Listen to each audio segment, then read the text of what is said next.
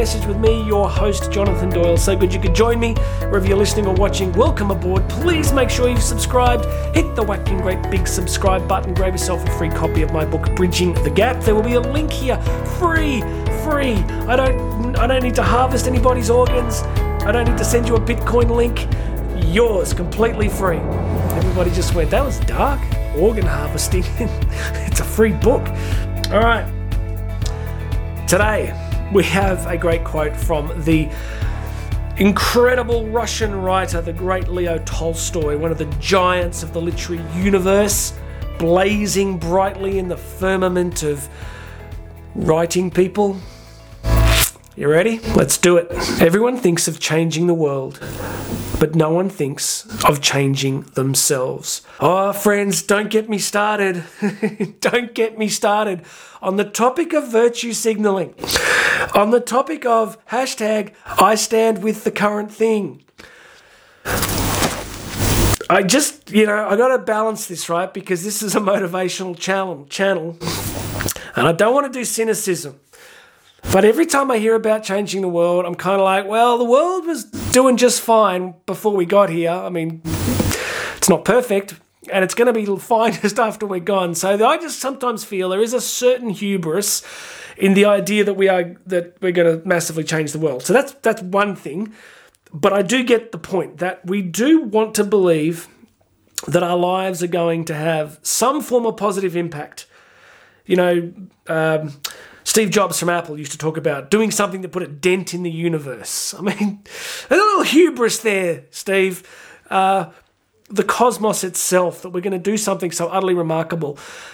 Yeah, look, I get it, but I think that there is a universe that surrounds us of the people close to us, of the small places, of the little things that make up our lives, the work that we go to, the relationships that we have so I'm balancing this kind of, I think, slightly, possibly narcissistic.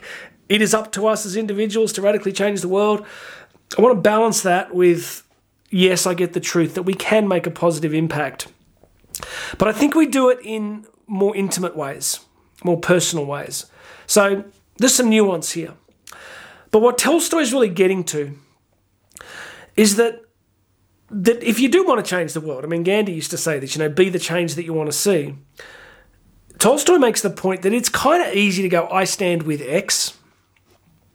It's much harder to change bad habits.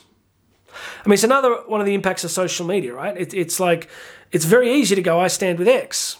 And to, to prove to the world, you can get a tattoo, whatever you want to do to show that you're a good person. But the real work is what happens when you know, life unfolds all around us in the in the grind of daily relationships, doesn't it? In, in the ins and outs of the complexities of the people close to us. So, what I want to say in this message is the real work is internal. I mean, how do you change the world, right? You change the world by becoming fully who you are and bringing whatever unique talents and abilities you have to the world in a modality of contribution and service. Because if that's true, then you have a positive impact, and then your positive impact hopefully encourages another person or changes one of their behaviors, and they consider change, and, and we get a domino effect, right? I mean, think of it this way I guess this is how you'd prove it. If everybody in the world tomorrow stopped trying to change the world and just went to work on themselves, there's complexity because if you're the Secretary General of the United Nations, well, part of your brief is changing the world. I get it.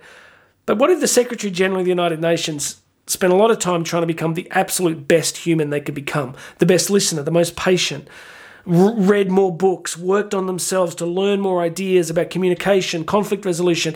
So, what if we just worked on ourselves? So, what are the habits and dispositions and behaviors in your life at the moment that are probably causing you pain and the people around you? Wow. You know, I can ask myself that same question. I won't tell you on, on air, I'll, I'll journal it. So, you with me? Tolstoy tells us everybody wants to change the world, but not everybody wants to change themselves. And that's the magic.